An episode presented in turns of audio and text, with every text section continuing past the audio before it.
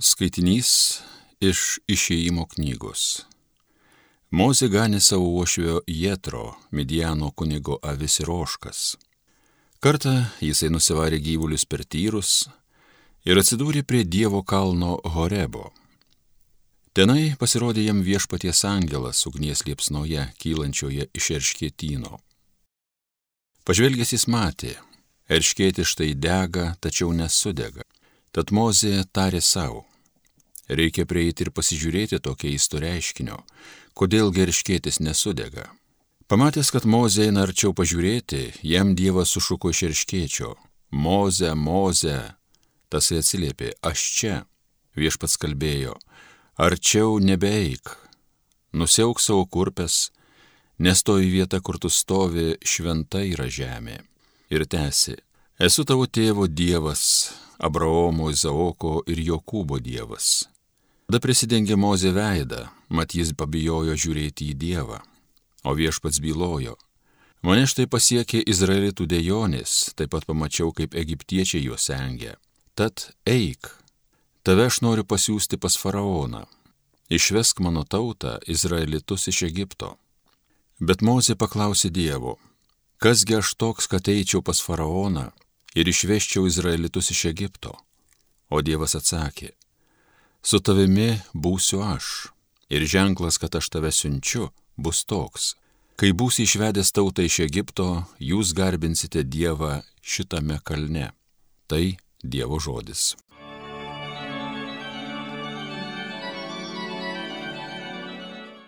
Viešpats švelnus maloningas, Tegu mano siela viešpat išlovina ir visa, kas yra manyje, te garbina jo šventą į vardą. Lai mano siela viešpat išlovina, lai neužmiršta, kiek jis man gero padarė. Viešpats švelnus maloningas. Jis man visas kaltes dovanoja, gydo visas mano silpnybės, nuo pražūties gelbi mano gyvybę, gaili manęs ir puošia mane savo malonę. Viešpats švelnus maloningas. Viešpats pasaulyje vykdo teisybę, gina visus prispaustuosius, savo sumanimus jis mozėje preiškė, jo darbus didžius Izraelis regėjo. Viešpats švelnus maloningas. Alleluja, alleluja,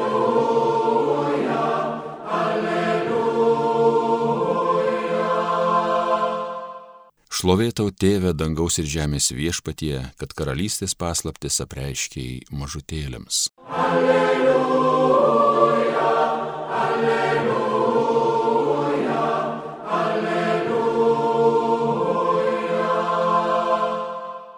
Iš Evangelijos pagal matą.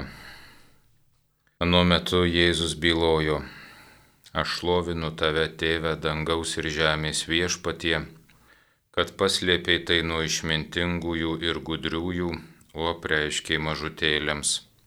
Taip, tėve, nes tau taip patiko.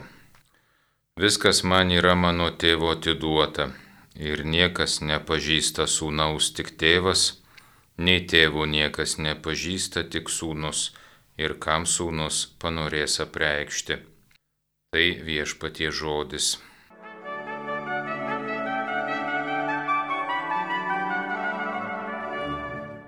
Gerbėmiai klausytojai, girdim kaip šiandienos Evangelijoje Jėzus šlovina tėvą, kad paslėpė tai nuo išmintingųjų ir gudriųjų, o preiškė mažutėlėms. Tas tai, kas nuo vienų paslėpta, o kitiems apreikšta, matyti yra jo Evangelija, jo atnešta išganimo žinia. Ir čia jau mums gali kilti klausimas ir netgi pasipiktinimas. O kodėl nuo vienų paslėpė, o kitiems apreiškė. Kas čia per e, šių laikų žodžiai išnekant diskriminaciją? Dar didesnį įtarimą gali kelti tai, kad apreikšta būtent mažutėlėms, o štai nuo išmintingųjų ir gudriųjų paslėpta. Negi Dievas nusistatęs prieš išmintį, prieš mąstymą, protingumą, negi jis nori, kad būtume puskvailiai, ir viską priimtume tiesiog nemastydami. O gal jis bijo, kad protingieji supras jo klastą, jos kelbiamos žinios kyles, todėl jos jiems ir neapreiškia. Gal jis apsireiškia tik tiems, kuriems gali apdumti akis? Ne, Jėzus kalba ne apie tai.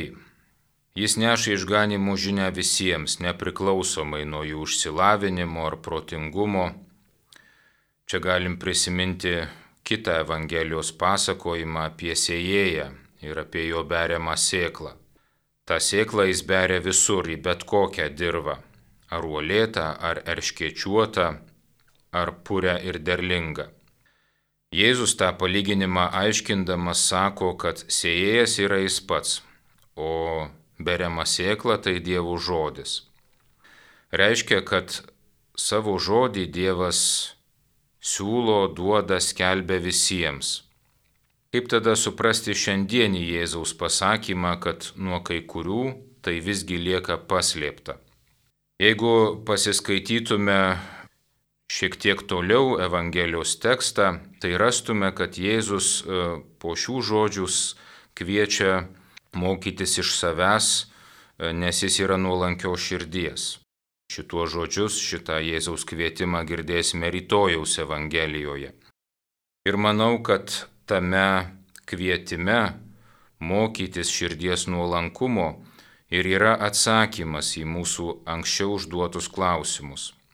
Matyt, tiems išmintingiesiems ir gudriesiems Evangelija lieka paslėpta ne dėl Dievo valios ar dėl jo nenoro jiems kažką pasakyti, bet dėl jų pačių pasirinkimo Evangelijai užsidaryti.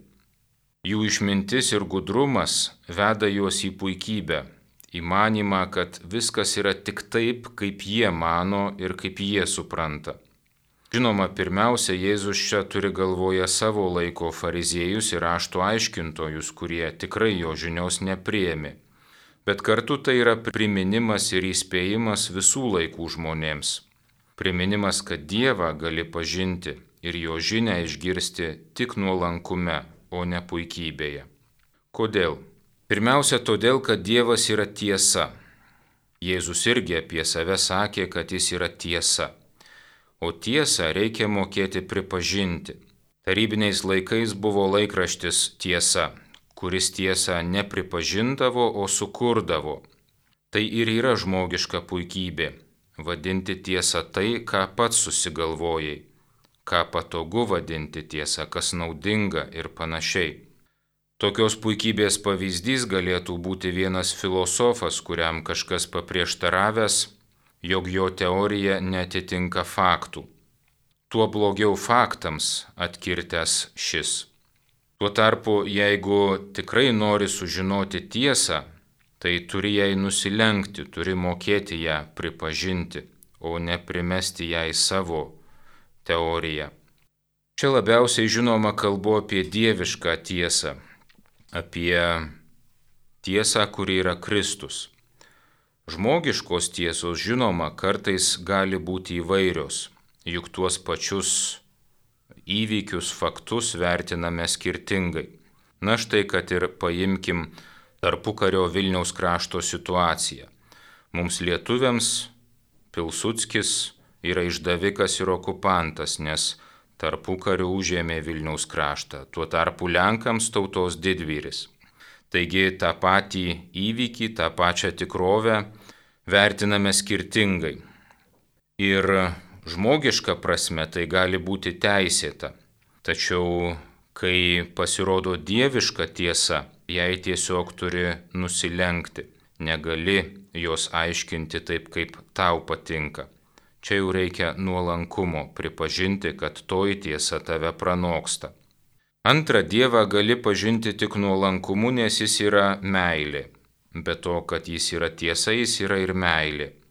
Priimti, jog kažkas tave myli, irgi reikia nuolankumo. Tie mažutėliai, už kuriuos Jėzus šlovina tėvą, matyti yra tie, kurie pajunta, jog ne viską būtina suprasti. Reikia tiesiog priimti, kad esi mylimas. Priimti kito meilę irgi reiškia pripažinti, kad nesi vienas savo pakankamas, kad turi poreikį būti mylimas. Tai reiškia ir šiek tiek priklausai nuo kito. Tas, kuris mano, jog pats savo pakankamas, arba kuris mano, kad gali kitus priversti save mylėti, tikrai serga puikybė.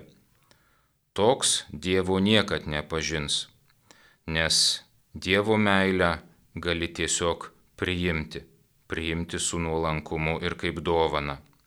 Trečią Dievą gali pažinti tik būdamas nuolankus, nes pats Dievas yra nuolankumas. Apie Jėzų apaštalas Paulius sako, kad jis nesilaikė savo lygybės su Dievu, kad jis save apiplėšė ir nusižemino, tapdamas klusnus ne tik į kryžiaus mirties. O pats Jėzus teigė, kad atėjo ne kad jam tarnautų, bet pats tarnauti ir atiduoti savo gyvybės už kitus. Tai buvo tikrai nemaža problema ne tik fariziejams ir rašto aiškintojams, bet netgi ir jo mokiniams, kurie gal tikėjosi iš jo galingo valdovo. Todėl tikrai buvo sunku atpažinti Dievą Jėzuje, suklupusiame plauti savo mokinių kojų. Kaipgi jį pamatysi taip nusižeminusi, prie tavo kojų pasilenkusi, jeigu pats esi savo puikybės viršūnėse. Todėl Jėzus ir kviečia mokytis nuolankumo, vaizdžiai sakant, kviečia atsiklaupti, kad pastebėtum jį prie tavęs klūpinti. O tokį Kristų pamatęs daugiau ir Dievą pažinsi, nes tik Kristus savo tėvą pažįsta ir mums apreiškia.